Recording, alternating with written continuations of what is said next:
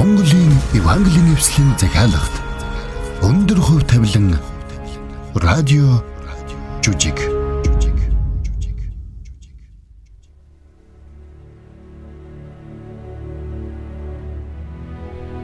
Өндөр хөв тавилан радио жүжигийн шин дугаард тавтай морилно.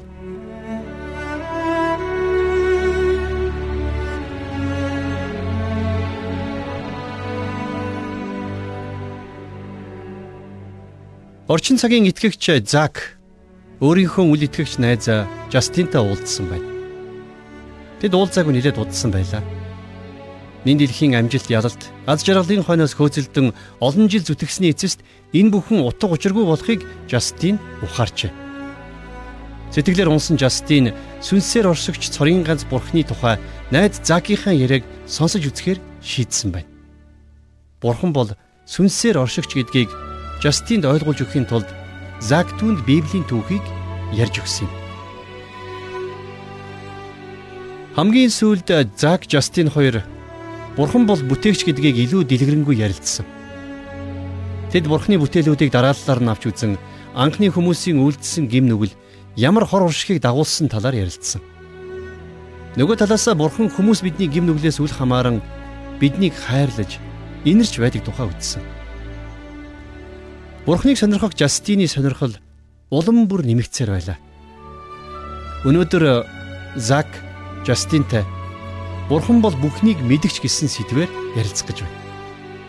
Хүмүүсийн оюун ухаан болон Бурхны химжээлжгүй мэрэгэн ухааныг эсрэгцүүлэн тавьж тайлбарлахдаа Зак Соломон хааны мэрэгэн ухаанаас жишээ авах болно. Ингэхдээ Бурхан бол бидний ойлголт, ухаарл болон мэрэгэн ухааны шавхагдшгүй их ундраг гэдгийг Зак Жастинд ойлгох болно. Ингээд энэ нэгэн сонирхолтой бүлгийг хүлээн авч сонсцгоё.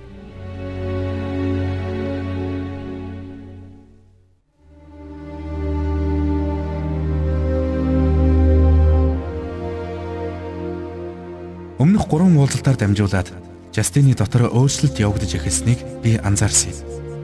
Тэр гаднаас нь харахад нөгөөхөл хуучин Жастин хэвээрээ юм шиг харагдавч амьдралын утга учирыг ярьж хайсан тэрний эрэл хайгуул улам бүр эрчимдсэн байлаа. Тэр амьдралын утга учирыг олж мэдхээр улам бүр тэмүүлж байв. Өнөөдрийн бидний уулзалтаар дамжуулаад найз маань Бурхны хэмжээлшгүй төгс мэрэгэн ухааныг таньж мэдээсэ гэж би чин сэтгэлээсээ хүсэж байна.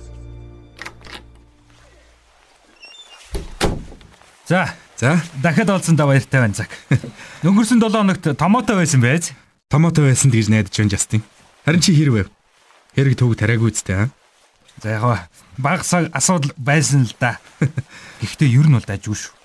Одоо л нэг зөв замаа олох гээд байгаа юм шиг санагтаад байна. Би ч бас тэгж бодож байна шүү. За хоёулаа шууд л гол асуудал руугаа орчих шиг боллоо шүү те. Тэгэх шиг боллоо. Гэтэ ямар та чамайг өөдрөг байгаад баяртай байна. Харин тийм ээ. Сэтгэл санаа давгүй л байна. Заг. Чи ер нь надад нэг л эмчийн бичиж өгсөн юм шиг үйлчилж байгаа гэдгээ ер нь мэдхүү. Өөрийгөө ийм эмтрээ болчих нь гэж бодож байсангүй шүү. Гэхдээ үр дүнгөө өгч байгаа бол яамаа та. Нэрээ тоглоогүй шүү. Чамтай уулзсандаа би маш их баяртай байгаа шүү. Би чамайг бүр илүү нэгэнтэй уулзуулж өгөх гээд хичээгээд байгаа юм шүү дээ. За одоо эхлэх нь те. Одоо шууд номлож гарна. Харж байгаарай. Яг ч номлол бишээ. Гэхдээ их гоё сэдвэр чамтай ярилцмаар байна. Окей. Тэгвэл яриад байл та. Гэхдээ эхлэхээс өмнө өнгөрсөн 3-7 хоногт ярьсан зүйлсээ санаж байгаа эсхий чинь шалгана да. Тэгээд багшаа Бэд бурхан бол сүнс. Бурхан бол бүхнээс хүчрхэг. Бурхан бол бүтээгч гэж үзсэн. За ингээд би ангийн хамгийн шилдэг сурагч болсон уу? За за. Чи гарцаагүй миний хамгийн шилдэг шав мөн байна. Yes. Угаасаа ангидаа ганцаархан аим чинь од болоход их амархан байлаа л да. За тэгвэл одоо өнөөдөр хоёулаа мэрэгэн ухаан мэдлэгийн талаар ярилцах болно. Ямар вэ? Над шиг шилдэг сурагчид яг тохирсон сэдв байна. Их сайхан нийцлээ. Хоёулаа одоо бурхныг бүхнийг мэдгч бурхан гэдэг талаас нь авч үзье. Бүх зүйлийг мэддэг гэсэн үг? Яг зөв. Бүх зүйлийг мэддэг. Жишээ нь миний яг одоо юу бодож байгааг мэдэх үү? Чиний юу бодож байгааг ч, миний юу бодож байгааг ч мэднэ. Энэ дэлхий дээрх бүх хүмүүсийн бодол санааг мэднэ. Библиэлд хэлэхдээ хүний зүйл нь дэми хоосон гэдгийг эзэн мэддэг гэсэн байдаг. За миний бодол санаанд ч олигтой байхгүй дээ. Зөвхөн чи ганцаараа тийм биш ээ, Жастин. Бид бүгдийн бодол санаа бүгд л тийм байдаг. Гэхдээ бурхан биднийг бүгдийг дэндүү сайн мэддэг гэхээр сайхан байгаа үст. Библиэлд бас миний сууж босхийг та мэддэг бөгөөд хаа холоос санаа бодлуудыг минь ойлгодог гэсэн байдаг. Нуугүй хэлэхэд миний бодол санаа, миний үйлдэлүүдийг хэн ч мэдэхгүй хэвээрээ үйлдвэлдээ ирсэн. Би чамайг ойлгож байна. Би өөрөө ч бас олон удаа алдаа гаргаж байсан. Гэхдээ Бурхан миний зүрхний нууцуудыг мэддэг. Тийм хэрнээ намайг уучлсаар, хайрласаар байдагт Бурханд би үргэлж талархдаг. Ер нь Бурхан яаж бүгдийг мэдэж чаддаг вэ? Бурхан яаж бүх зүйлийг харж, сонсож чаддаг вэ? Өнгөрсөн 3-7 хоногт үдсэн зүйлсээ санаж байгаа үстэй. Аа. Бурхан бол сүнс. Бурхан биднийг бүтээсэн. Бурхан бүхнээс хүчтэй шүү дээ. Үнэн дээр би ч бас бурхныг бүрэн төгс ойлгож мэдж чадахгүй л дээ. Миний тарих бурхныг ойлгоход дэндүү жижигдэнэ. Тэгээд ч надад бүрэн ойлгогдчихдаг юм бол тийм бурхныг лав би шүтэж чадахгүй. Бурхны мэрэгэн ухаан, түүний хүч чадал миний оюун бодлоос хитийдсэн байдагт нь би харин ч баярлдаг. Аа. Чиний хэлэх гэж байгаа санааг би ерөнхийд нь гадарлаж л байна.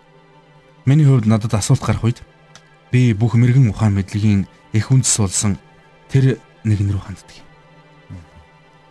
Библиэлд Соломон хааны тухай нэг сонирхолтой түүх гардаг. Израилийн Соломон хаанд Бурхан юу хүсснийг өгье гэж хэлэхэд Соломон хаан Бурханаас мэрэгэн ухааныг гуйсан байдаг. Бурхан түнд хүсснийг нөгсөн. Ингэхдээ хүснээс нь ч илүүг өгсөн гэж ойлгож байна. Гэхдээ энэ дэлхийн хамгийн мэрэгэн хүн байсан Соломон хаан ч бас бидэн шиг алдаа гаргаж байсан болохыг харж байна.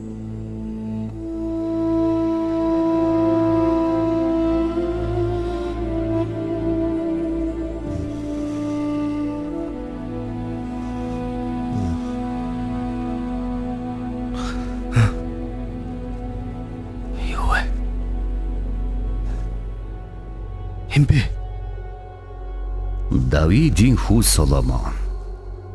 Би чамд юу гэх Надаас гуйхтун. Бурхан минь. Та эцэг Давидд минь агуу их хайр инэрлийг үзүүлж намайг түүний оронд хаан болголоо. Одоо Бурхан эзэн минь Миний эцэг Давидэд өгсөн таны амлалт биелэгдэг. Учир нь та намайг газрын тоос шороо мэт үе олон ард түмний хаанаар томиллоо. Энэ ард түмний өмнө би орж гарч явах мэрэгэн ухаан мэдлэгийг надад өгөөч. Учир нь таны энэ агуу их ард түмнийг хэн удирдах чадах вүлээ? Чи эд баялаг хөрөнгө зөөр алдар хүндүстнүүдийнхээ амийг болон өөртөө урт насыг хүсэлгүй. Харин чамааг хаанаар нь томилсон миний ард түмнийг удирдахын төлөө өөртөө мэрэгэн ухаан мэдлэгийг гуйж зүрхэндээ ин сансан учраа мэрэгэн ухаан мэдлэг чамд өгөгдөн. Түүмчлэн урд хожид ямар ч хаадын эдэлж байгаагүй д баялаг хөрөнгө зойр алдар хүндийг би чамд өгнө. Хэрэв чи Давид эцгийнхээ явсан шиг миний тогтоол тушаалуудыг сахин миний замаар явбал би чиний өдөр хоногуудыг уртасгана.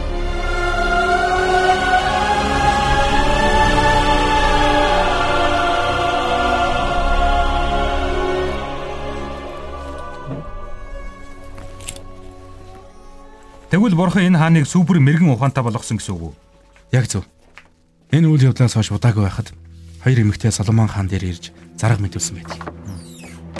Худалч. Үгүй. Өгсөн хөөхтөл чинийх. Амдан минийх. Ихэм дээдсэн. Гойж байна. Зээсээ худлаа яриад байна. Чи яаж намайг тэгчилж чадаж байна? За Элив. Та хоёр одоо тайвшир. Эзэн минь. Энэ нэмэгтэй бид хоёр нэг герт амьдардаг юм. Энэ эмэгтэй гэр дотор байхад би хүүхэд төрүүлсэн билээ. Намайг хүүхэд төрүүлснээс хойш 3 өдрийн дараа энэ эмэгтэйч бас хүүхэд төрүүлээд бид хамтдаа байсан. Гэрт биднээс гадна өөр хүн байгаагүй. Зөвхөн бид хоёр л гэрт байсан. Энэ эмэгтэй унтаж байхдаа хүүхдээ няц дарснаас хүүхэд нь шүн нас барчихсан билээ. Тэгээд энэ эмэгтэй шүн дунд босоод таны шивч намайг унтаж байхад хажуугаас минь хүүг минь аваад өөрийнхөө өвт хийж харин өөрийнхөө өгсөн хүүхдийг миний өвт хийсэн байсан. Өглөө би хүүгээ хөхүүлэх гээд босоод хартал хүү минь өвчгсөн байсан. Тэгээд өглөө босоод хүүхдээ няхуур сайн ажиглаад хартал тэр миний төрүүлсэн хүү биш байсан. Үгүй амьд хүүхэд минийх энэ эмэгтэй бол тэр худалч. Үгүй өгсөн хүүхдэл чинийх амьдан минийх намайг уучлаарай эрхэмдээцээ. Гэхдээ энэ эмэгтэй. За би та хоёрыг ойлголоо. Та хоёрын нэг нь амьд дугааны миний хүү. Харин үгсэн нь чиний хүү гэж байхад нөгөөх нь үгүй ээ. Чиний хүү үгсэн. Харин миний хүү амьд гэдэг. Тэгэхээр ингийн надад ил даваад ир. Амьд буу хөвгүүнийг хоёр хэсэгт хувааж талын нэг эмэгтэйд нөгөө талын нөгөө эмэгтэйд өгөгдөн Цавч хантан минь. Тэрний хоёр хуваа. Бидний хинэн ч тэрнийг авахгүй. Гүйж байна танаас. Хүүхдээ тэрэнд өг. Харин битгий алаачтай. Хүүхдээ битгий алаачтай гүйж байна танаас.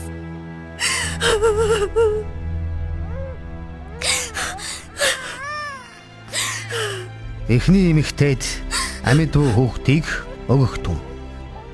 Үг буал Түүний их нь тэр мөн. Миний хүү. Хүү минь. Чи хүү.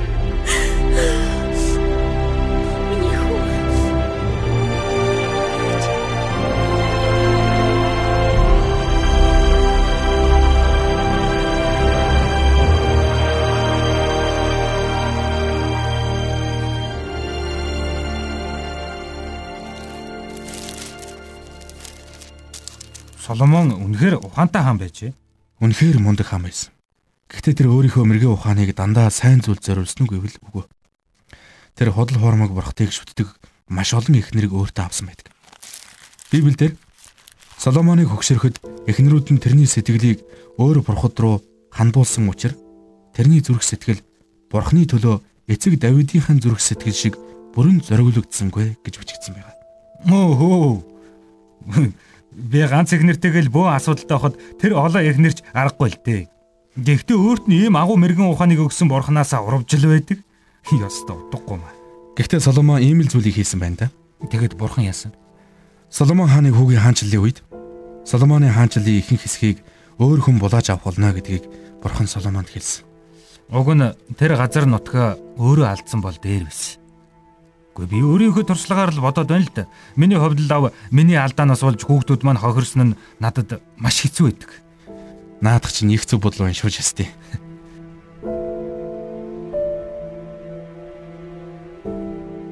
Өнөөдөр бид Жастинд Бурхан бол бүхнийг мэдгч гэдгийг ойлгуулахыг хүссэн юм. Бурханы хэмжээлшгүй мэдлэг, мэрэгэн ухааны дэргэд хүмүүс бидний оюун ухаан ямар өчүүхэн болохыг бид ойлгох үедээ Бурханы ямар агуу болохыг ухаардаг.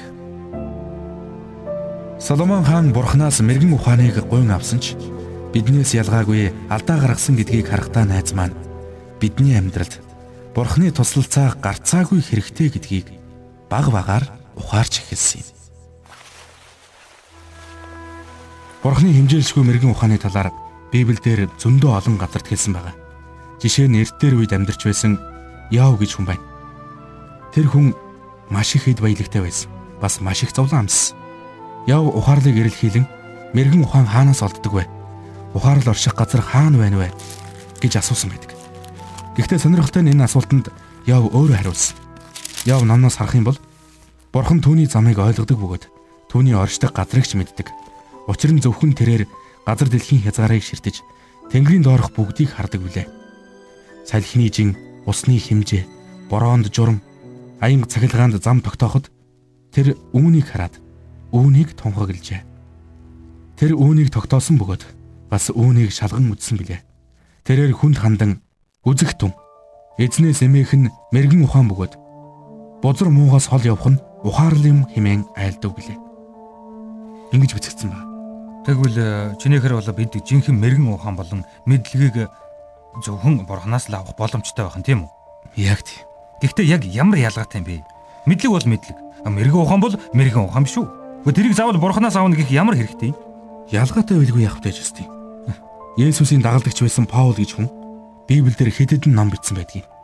Тэр хүний номон дээр үг минь тунхаглал минь мэрэгэн ухааны ятгалгийн үгээр бус. Харин сүнс ба хүчний илэрлэр байсан нь итгэлч нь хүмүүний мэрэгэн ухаанд бус харин бурхны хүчинд байхын тулд байлаа гэсэн байдгийг.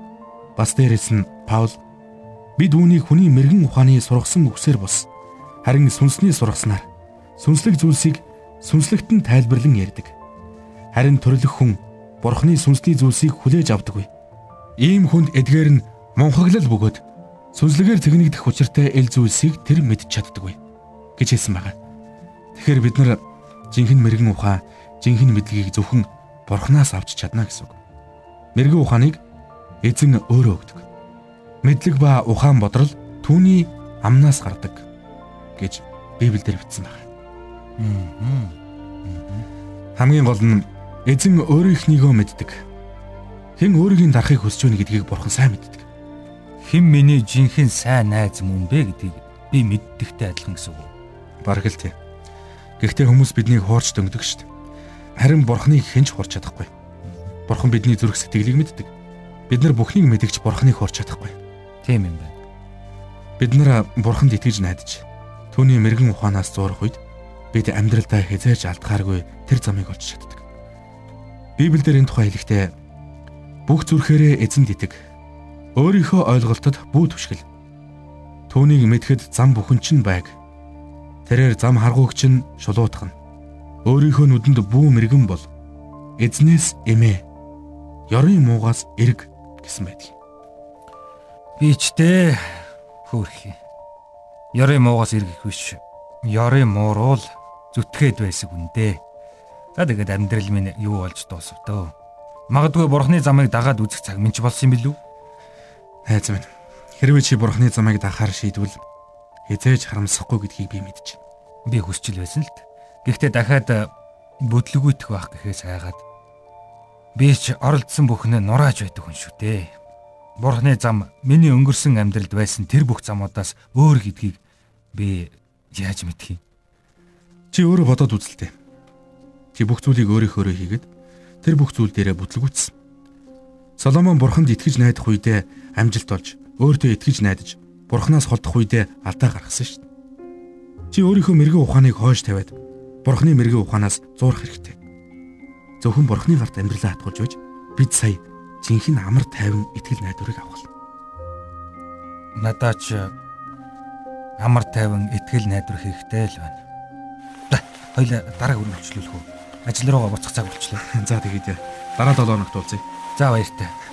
Би чиний төлөө залбирнаа. Баярлаа. Миний төлөө залбираарай.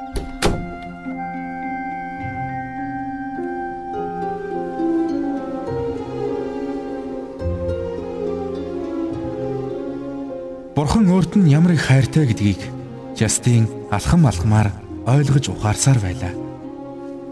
Жастины хувьд бусад олон хүмүүсийн нэгэн адил Бурхан гэж хэмбэ гэдгийг мэдэх мэдлэг нь маш хязгаарлагдмал байсан юм. Яагаад гэвэл тэр Библийг огт мэдэхгүй байсан. Найз маань удахгүй Бурханы хайрыг хүлээж авах болно гэдэгт би итгэж байна. Тэр цагт л найз маань өөрийнх нь амьдралд хандсан Бурханы төлөвлөгөөг бүрэн дүүрэн ойлгож ухаарах болно.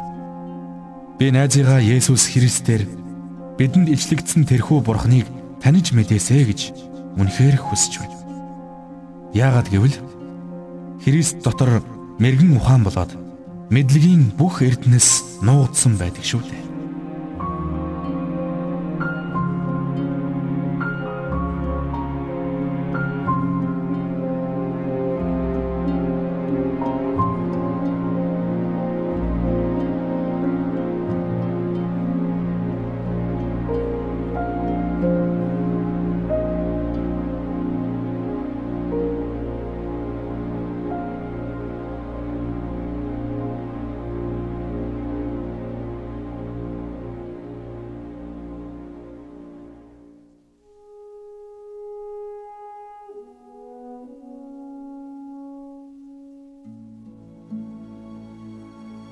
Бурхны мэдлэг мэрэгэн ухаанд химжээ хязгаар гэж үгвэ. Тиймээс бид амжилттай амьдрахыг хүсэж байгаа бол Бурханаас мэрэгэн өдөрдмжийг гуйхан чухал юм. Бурхан бол сүнс. Тэр бол бүтээгч. Бурхан бол бидний хүч чадлын их үндэс. Хэрвээ бид Бурханд амьдралаа өргөх юм бол тэр биднийг мэрэгэн ухаанаараа удирдах болно.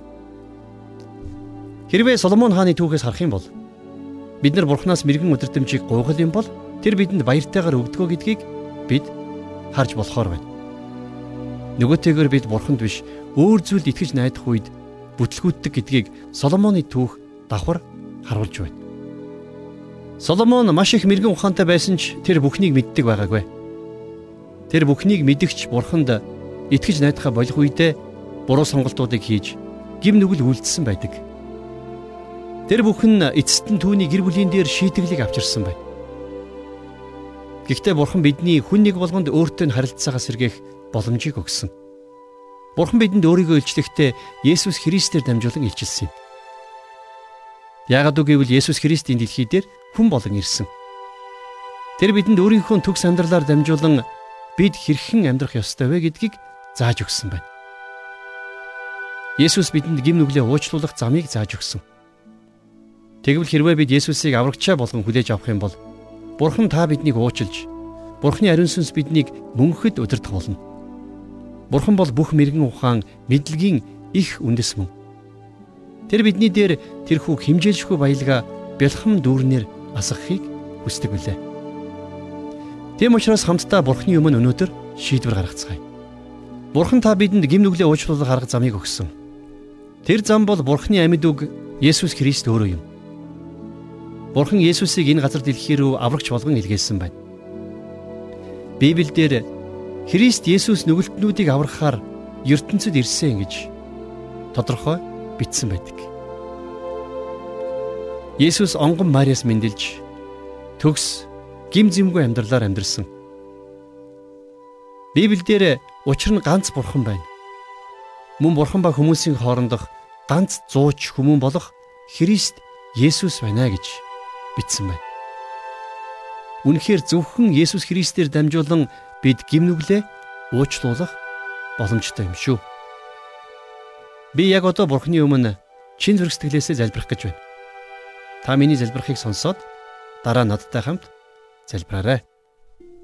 Бурхан минь ээ, та надад гим нүглээ уучлуулах боломжийг өгсөнд баярлалаа. Та өөрийнхөө амьд үг болох Есүс Христийг илгээж миний аврагч болгосон учраас танд баярлалаа. Есүс миний төлөө төгс амьдралаар амьдарсан. Тэр миний төлөө амиа өгсөн. Тэр миний гим нүглийг уучлан дахин амилсан учраас би баярлаж байна. Би таныг улам илүү таньж мэдмээр байна. Есүсийн нэрээр. Амен. За одоо энэхүү залбирлыг миний ардаас давтаад хэлээрэй. Та ингэ залбирахдаа өөрийнхөө чин зүрхнээсээ бурханд хандаж хэлээрэй. Бурхан минь ээ. Та надад гим нүглээ уучлуулах боломжийг өгсөнд баярлалаа. Та өөрийнхөө амьд үг болох Есүс Христийг илгээж миний аврагч болгосон учраас танд баярлалаа. Есүс миний төлөө төгс амьдралаар амьдарсан. Тэр миний төлөө амиа өгсөн. Тэр миний гим нүглийг уучлан дахин амилсан учраас би баярлаж байна. Би таныг улам илүү таньж мэдмээр байна. Есүсийн нэрээр. Амен. Энэхүү залбирлыг хамтдаа хийсэн танд баярлалаа. Бид дараагийн дугаараар Бурхан болон биднийг хайрлсан Бурханы хайрын талаар илүү ихийг сурж мэдэх болно.